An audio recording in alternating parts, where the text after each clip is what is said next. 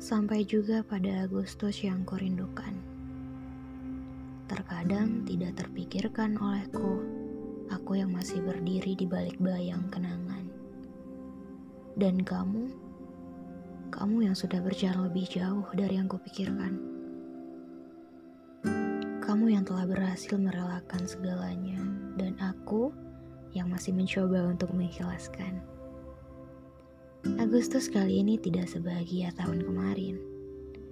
Memaksaku untuk mencoba mengikhlaskan apa pun alasannya. Meski jalan terlihat jauh dan melahkan, tapi semuanya tetap berjalan ke depan dan tidak akan pernah mundur lagi untuk mengulang waktu yang kemarin. Aku harap sekarang kamu akan lebih bahagia dengan dia. Pegang erat tangannya seperti aku yang selalu menggenggam erat tanganmu. Peluk bahagia dan pilunya seperti aku yang selalu mintamu untuk memelukku. Dulu. Kata orang mengikhlaskan itu bentuk cinta yang paling besar.